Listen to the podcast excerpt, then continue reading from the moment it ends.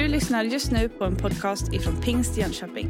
Vi hoppas att denna undervisning kommer att hjälpa dig att växa i din personliga relation med Gud. Om eh, du har varit här under de senaste två söndagarna så har du hört predikningar som har haft ett fokus på den heliga Ande. Marcus Adefors han predikade om kraften i anden och förra veckan så predikade Johanna och Daniel Berger om andens frukt. Och har du inte hört de predikningarna så kan du hitta dem på Spotify och på hemsidan och säkert någon merstans också om du letar riktigt noga. Men idag så ska jag predika om andens gåvor. Eller de andliga gåvorna, eller nådegåvorna som de också kallas. Kärt barn har väl många namn. Men det handlar alltså om gåvor som anden ger till den troende för att vara till nytta och till glädje till andra och i församlingen. Och detta ska vi fördjupa oss lite i idag. Och vi ska strax läsa huvudtexten som vi finner i Första Korinthierbrevet kapitel 12. Men först så ska vi be tillsammans. Så låt oss resa oss upp och så ber vi till Herren ännu en gång. Tack Gud för att du är här. Tack för att vi får påminna oss den här förmiddagen om din storhet Herre. Om din trofasthet Herre, om att du är med. Och jag tackar dig för att du har gett oss den helige Ande som gåva. Och att du har gett oss också andra gåvor och många goda gåvor som vi kan få använda, som vi kan få del av Herre. Och jag ber Herre att när vi läser ditt ord, Herre, att du ska tala till oss var och en, Herre. Du vet vad vi bär med oss för erfarenheter när det handlar om de andliga nådegåvorna. Be för den som kanske har negativa erfarenheter också av detta, när det inte används på rätt sätt. Och jag ber Gud att du ska låta ditt ljus få lysa över ditt ord den här stunden och att vi ska få höra vad Anden säger till församlingen. Tack för att du är här. I Jesu namn. Amen. Varsågoda och sitt ner. Har du din bibel med dig så kan du bläddra fram till första Korintierbrevet kapitel 12 som är ett av de mer utförliga sammanhangen där vi kan läsa om de andliga nådegåvorna. Första Korintierbrevet är ju ett intressant brev på många sätt. Paulus skriver det till en församling som uppenbarligen har en del bekymmer och utmaningar som han också adresserade det här brevet. Samtidigt skriver han i inledningen att det är Guds församling, de kallade och heliga som helgats i Kristus Jesus. Och det är ganska gott att faktiskt ha med sig när man också läser det brevet att trots utmaningar, trots svårigheter, så är det Guds församling. Men i kapitel 12 så undervisar alltså Paulus om de andliga gåvorna. Eh, och han gör det tydligt i inledningen vad syftet är. I vers 1 så kan vi läsa När det gäller de andliga gåvorna bröder vill jag inte att ni ska vara okunniga. I Korint så fanns det mycket andlighet i kulturen på olika sätt, men här behöver församlingen nu att lära känna vad skillnaderna är och att se andens gåvor och hur de ska vara i funktion och användas på ett gott sätt och så som Gud har tänkt. Om vi fortsätter i vers 2 och 3. Ni vet att när ni var hedningar drogs ni oemotståndligt till de stumma avgudarna. Därför ska ni veta att ingen som talar genom Guds ande säger förbannelse över Jesus. Och ingen kan säga Jesus är Herre annat än i kraft av den helige Ande. Det här ger ju Paulus som hjälp i att kunna urskilja vad som är vad. Det finns en kraft i att bekänna att Jesus är Herre. En bekännelse som sker i kraft av den helige Ande. Det går inte att förbanna Jesus om man lever ett liv med Anden. Däremot så behöver vi den helige Ande för att kunna bekänna Jesus som Herre och att också kunna hålla fast vid den bekännelsen i våra liv. Korintierna de ska inte dras längre till de stumma avgudarna, utan nu får de liksom byta upp sig. Nu finns den helig Ande och får vara verksamma i de gåvor som Gud ger och kunna verka genom dem. Och nu läser vi det långa sammanhanget i Första Korintierbrevet, kapitel 12 och från vers 4. Det finns olika nådegåvor, men anden är densamme. Det finns olika tjänster, men Herren är densamme. Det finns olika kraftgärningar, men Gud är densamme. Han som verkar allt i alla. Men hos var och en visar sig anden så att det blir till nytta. Den ene får av anden ord av vishet, den andra får ord av kunskap genom samma ande, en får tro genom samma ande, en får gåvor att bota sjuka genom samma ande. En annan att göra kraftgärningar, en får gåvan att profetera, en annan att skilja mellan andar, en får gåvan att tala olika slags tungomål, en annan att uttyda tungomål. Men i allt detta verkar en och samma ande som fördelar gåvorna åt var och en som han vill. Kroppen är en och har många delar, men trots att kroppens alla delar är många utgör de en kropp. Så är det också med Kristus, i en och samma ande är vi alla döpta för att höra till en och samma kropp vare sig vi är judar eller greker, slavar eller fria. Och vi har alla fått en och samma ande utgjuten över oss. Amen. När jag läser den här texten så kommer jag att tänka på människor som jag har mött i mitt liv som har fungerat i olika typer av gåvor. Några av de här gåvorna som beskrivs har jag sett mer utav än andra. Och de är ju speciella. Det är ju spännande att tänka och att, att uppleva och upptäcka de här gåvorna, för de är ju någonting utöver det vanliga. Det handlar inte bara om talanger, utan det går lite djupare. De är ju gudomliga. Och det är klart att det är spännande med kraftgärningar och under och att se sjuka bli friska och uttydandet av tungomål och så vidare. Det är fascinerande med Andens gåvor. Men gåvorna de vilar liksom på en form av bas som Paulus var väldigt noga med. Han ville inte att församlingen i Korint skulle vara okunniga när det kom till de andra, andliga nådegåvorna. Jag tänker att detsamma gäller för oss idag. Min första punkt idag i den här predikan är att Andens gåvor är till för alla, för andra. Andens gåvor är till alla, för andra.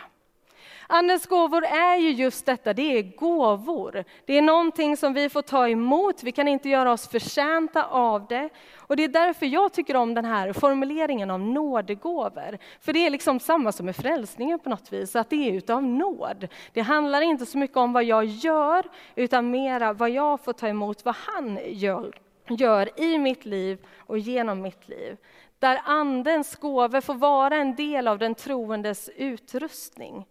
Hos var och en visar sig Anden. Det är en fin formulering, en kraftfull formulering.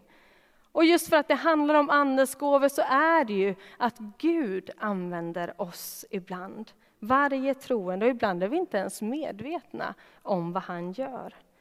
Och det där är en pågående process i våra liv. Det är inte en gång för alla.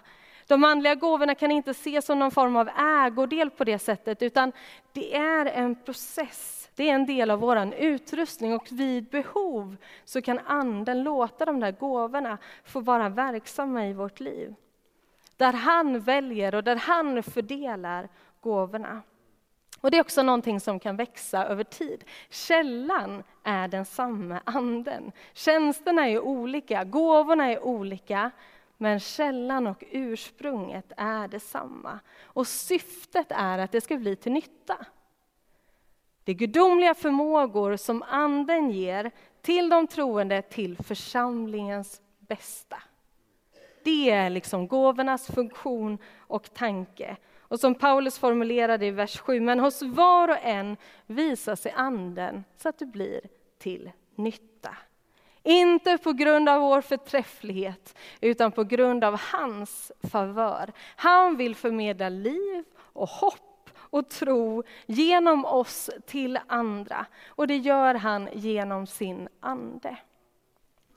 Det är inte för en elit, utan det är för alla.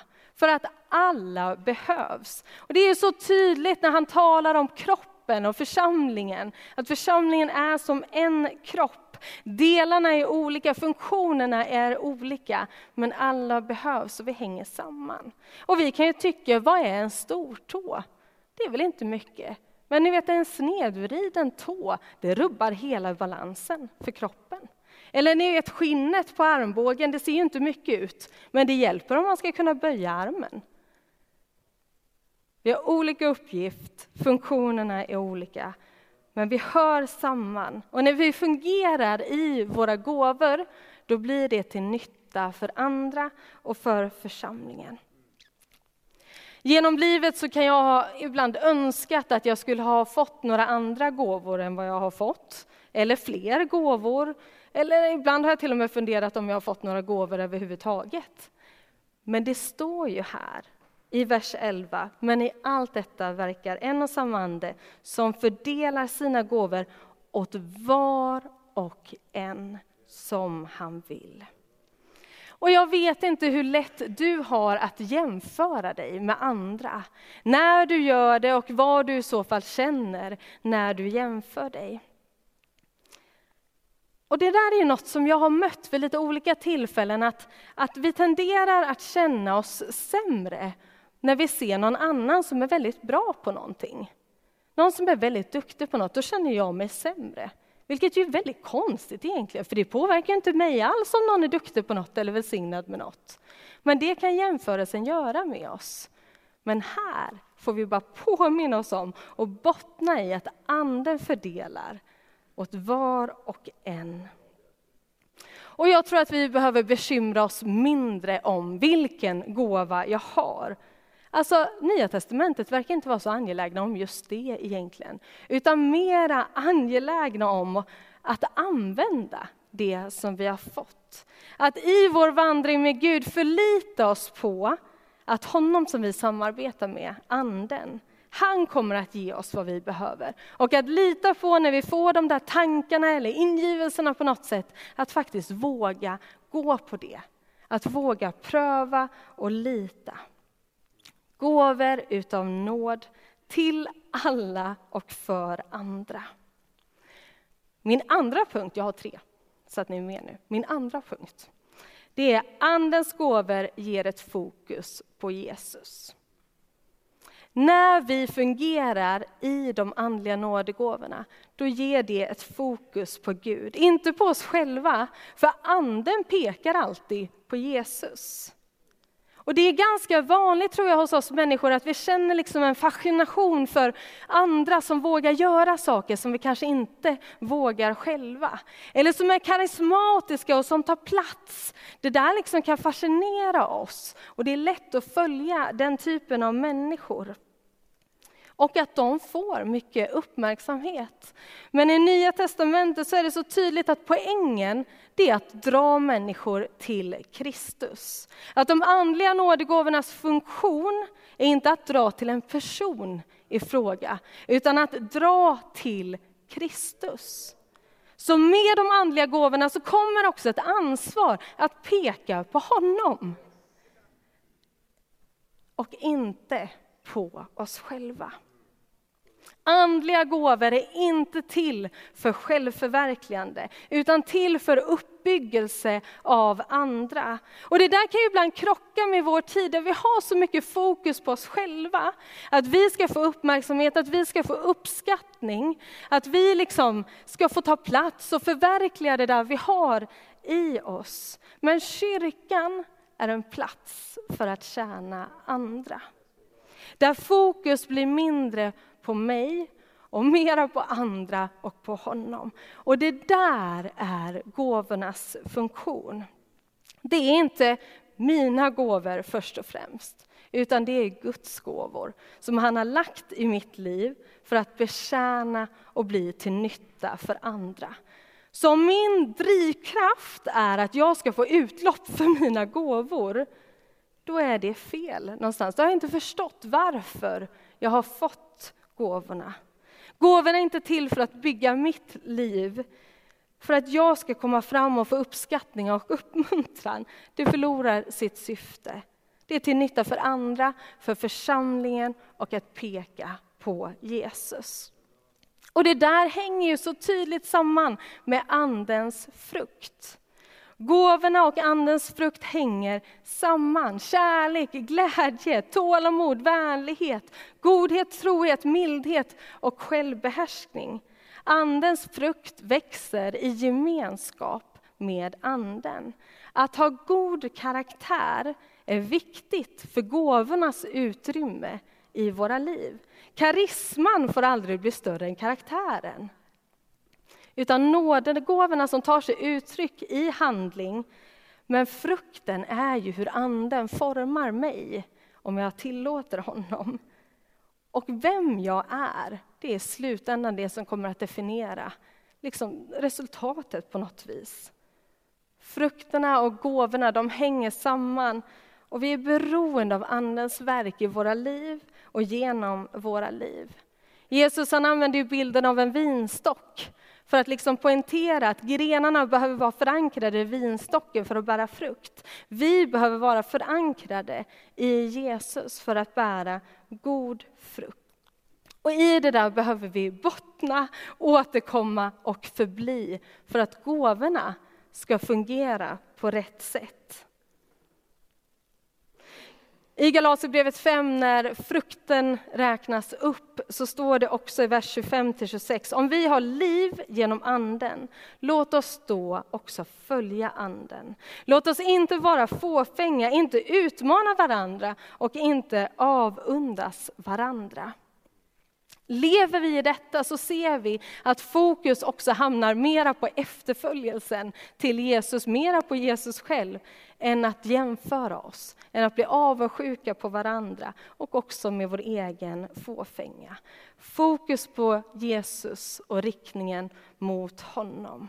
Och genom anden så kommer ju Jesus närmare oss. Han vill forma oss till att bli mer lika honom, till att utrusta oss och motivera oss att sträcka oss ut till varandra och ut till den här världen med hans kärlek och hans nåd. Och det är också kärleken som är drivkraften för hur gåvorna ska användas. I slutet av kapitel 12 i Första Korintierbrevet så betonar än en gång Paulus att gåvorna är olika, tjänsterna är olika. Alla har inte samma gåvor, inte samma funktion. Och så skriver han i vers 31, där kan vi läsa. Men sträva efter de nådgåvor som är störst. Och nu ska jag visa er en väg som vida överträffar alla andra. Paulus han betonar än en gång liksom olikheterna, bilden av den här kroppen, att vi är olika, men vi har våra olika uppgifter och funktioner. Och än en gång vers 7, hos var och en visas i anden så att det blir till nytta. Du är skapad till att bli till nytta. Om du låter honom använda dig och göra sitt verk i det.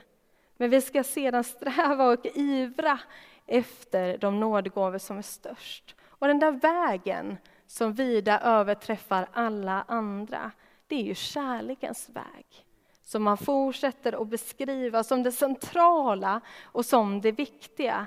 Att kunna tala tungomål eller att kunna profetera eller ha tro så att man kan flytta alla berg.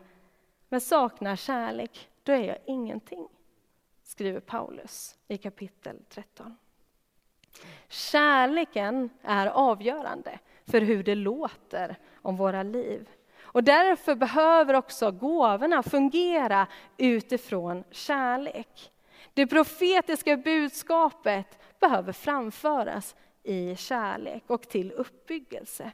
Vi har redan konstaterat att gåvornas funktion det är att bli till nytta, att bygga upp och att drivkraften i det är kärlek.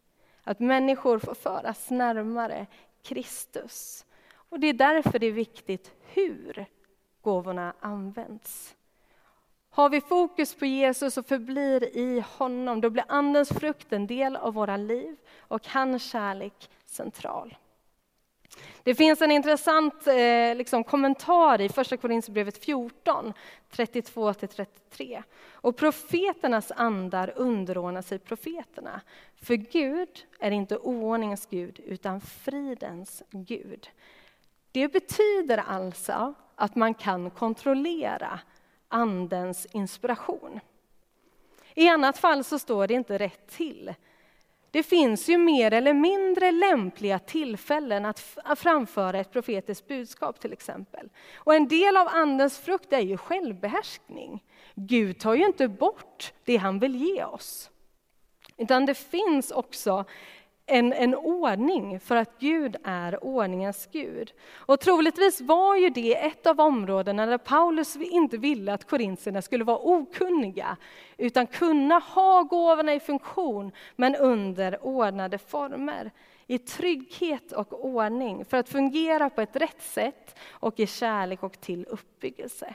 Och det är bland annat därför vi har den ordningen i vår kyrka, att är det så att man får ett profetiskt budskap att frambära till församlingen, kommer man till mötesledaren vid första bänk, delar det för att avgöra, ska vi dela detta och när och hur gör vi det? För att skapa en ordning och en trygghet för hur gåvorna får vara i funktion. Det sista som jag vill skicka med dig och mig idag, är att i Andens gåvor räknar vi med Anden. Och det kanske vi tycker är helt självklart. I Andens gåvor så räknar vi med Anden. Men jag vill bara uppmuntra dig och mig att tro mer på Gud än vad vi tror på oss själva. Att faktiskt våga lita på att det bär och att du kan få prova med basen i hans kärlek och allt det där som jag redan har nämnt. Och kanske önskar du att du hade gåvor som du inte har. Kanske jämför du dig mycket med andra. Men att bara få släppa det och bli mer angelägen om att förbli i honom och att våga gå på de där ingivelserna som Anden ger dig. Att våga pröva och våga lita på att det bär. Vad vill Gud säga? Vad vill han göra? Och hur vill han använda dig? Någon beskrev att tro det som kopplingen i en bil. Att det må finnas en väldigt stark motor där under huven. Men om du inte trycker ner kopplingen och lägger i växeln, då kan du inte aktivera den kraften som finns i bilen, utan då är den stillastående. Med tron så kan vi aktivera någonting. Att vi räknar med Gud. Att tro att Gud, han gör det han bara kan göra. Men att vi också får vara redo att vara hans händer och hans röst när han kallar dig och mig. Och ibland vill han ju att vi ska göra någonting utöver det vanliga. Och då kan vi ibland få uppleva att vi får liksom trons gåva i våra liv, att det blir hans tro på något vis som läggs till min tro och det blir en tydlig sanktion över det där vi ska göra. Att leva nära människor som har trons gåva tycker jag är väldigt uppmuntrande och ofta just väldigt trosstärkande. Men samtidigt så räcker väldigt ofta vår enkla tro på Gud. Tro som ett senapskorn, tro som ett barn. Det där räcker ofta alldeles utmärkt. Och jag har varit med om att jag har fått se sjuka bli friska när jag har bett för dem. Men jag upplever inte att jag har helandets gåva i mitt liv. Men det innebär ju inte att jag vill sluta och be för sjuka. För logiskt sett borde jag ju se fler bli friska ju fler jag ber för. Jag tänker samma med profetiska tilltal. Jag kan ibland uppleva att jag får någonting från Gud, men jag är inte profet. Men att våga pröva och våga vara öppen för att Gud vill tala, att han kan använda dig och mig och att lita på det där. Men det kan vara en kamp många gånger för oss. Att vi har lätt att tänka, inte ska väl jag, men det kanske är just det du ska. Och jag är så tacksam för de i vår församling som använder sina gåvor för att välsigna vår församling. För de som kan uppleva ett profetiskt tilltal och ta det där steget och komma fram och dela det. För jag ser ofta också vilken kamp det är i deras liv. Men tack för att ni gör det. Och tack för att ni vill fortsätta att låta Gud använda er i de gåvor ni har. Och ibland hjälper ju Gud oss också. För några söndagar sedan så ledde jag mötet. Och jag tänkte att jag skulle be ett par personer att komma fram och be. Så jag gick fram till en som sa nej och så gick jag fram till nästa jag hade tänkt och det var Stefan Klar. Han har varit pastor i pingströrelsen i många år. Och han sa ja. Och jag har fått hans tillåtelse att dela detta idag också.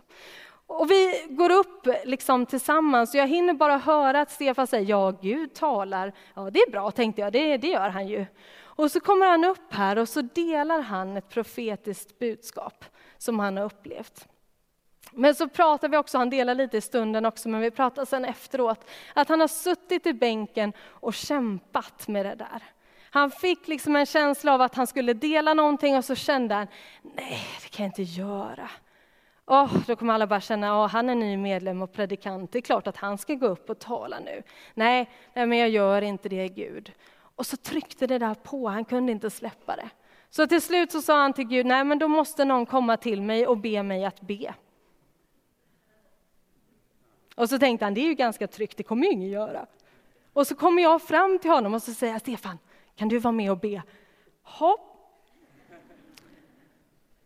Och det där är ju en uppmuntran, både för mig och för Stefan på något sätt. Att, Stefan både, eller att Gud både hjälpte Stefan i hans kamp, men för mig, jag sökte inte Gud riktigt i vem som skulle be, om jag ska vara ärlig.